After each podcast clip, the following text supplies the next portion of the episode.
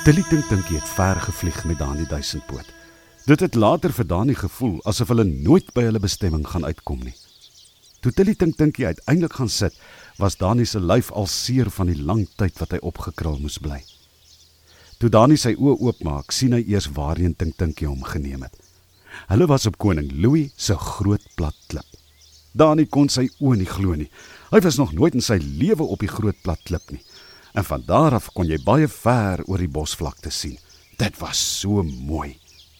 Nou ja toe, hier is ons dan die duisendpoot, sê Tink Tinkie. Bly jy nou net hier, ek gaan probeer kyk of ons nie met koning Louis kan praat nie.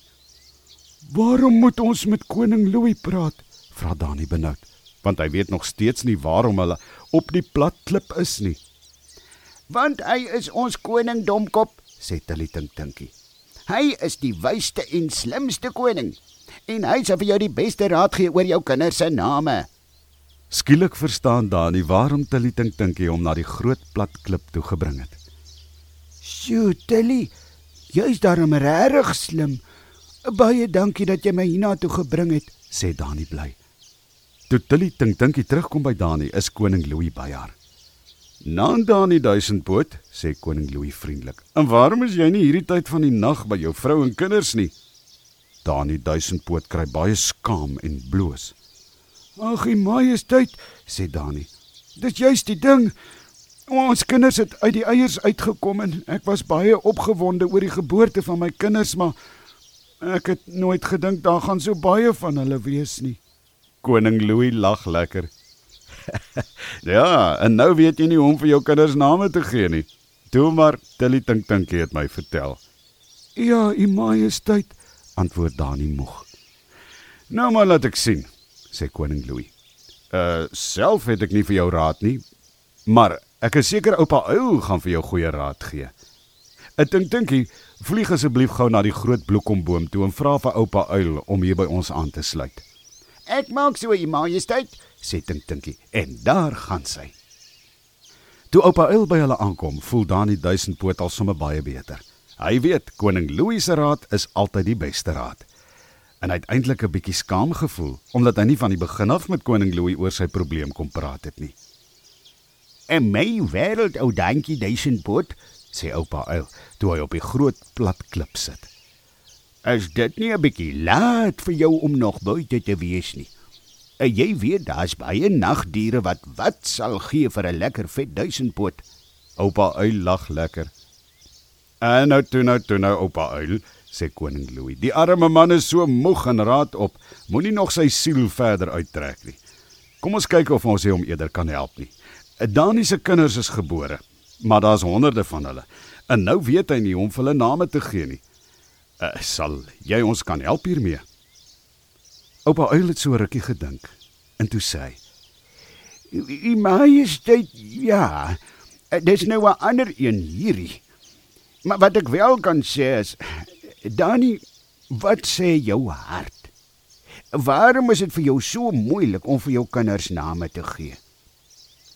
Dani dink en dink. Ek weet nie oupa Uil, dit voel net vir my reg om vir my kinders name te gee. Dis presies wat ek bedoel. Uh, as dit vir jou so moeilik is om vir jou kinders name te gee, dan beteken dit dalk dat jy nie vir hulle name moet gee nie. Dani se oor rek so groot so spierings. Uh, luister nou mooi, Dantjie. Dit is baie belangriker dat jy vir jou kinders elkeen moet lief wees en vir elkeen as kind leer ken en vir daardie een lief moet wees. 'n Naam is nie belangrik nie. Jy sal sien, dan gaan dit nie vir jou moeilik wees om elkeen uitmekaar uit te ken nie. Dani kry sommer trane in sy oë. My aarde oupa uil. Dit is so waar. Dit is seker waarom my ouers ook nie vir my 'n naam gegee het nie. Dit was die ander diere in die bos wat vir my Dani begin noem het. Ek onthou nou alles.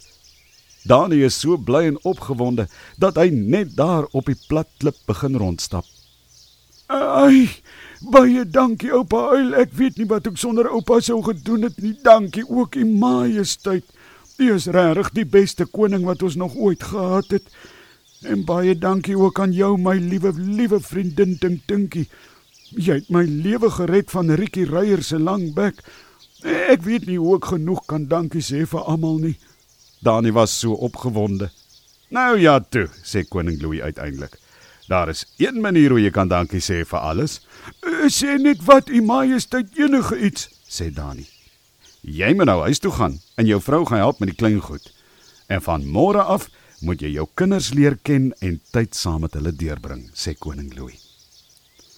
Toe Dani die volgende oggend by sy huis wakker word, was sy vrou en kinders baie bly om hom te sien.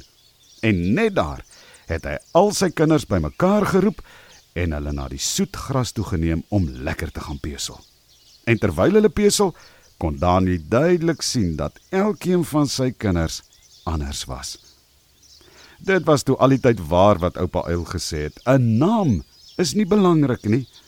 Dit is daardie een se persoonlikheid en uniekheid wat van hom of haar maak wie of wat hy of sy is.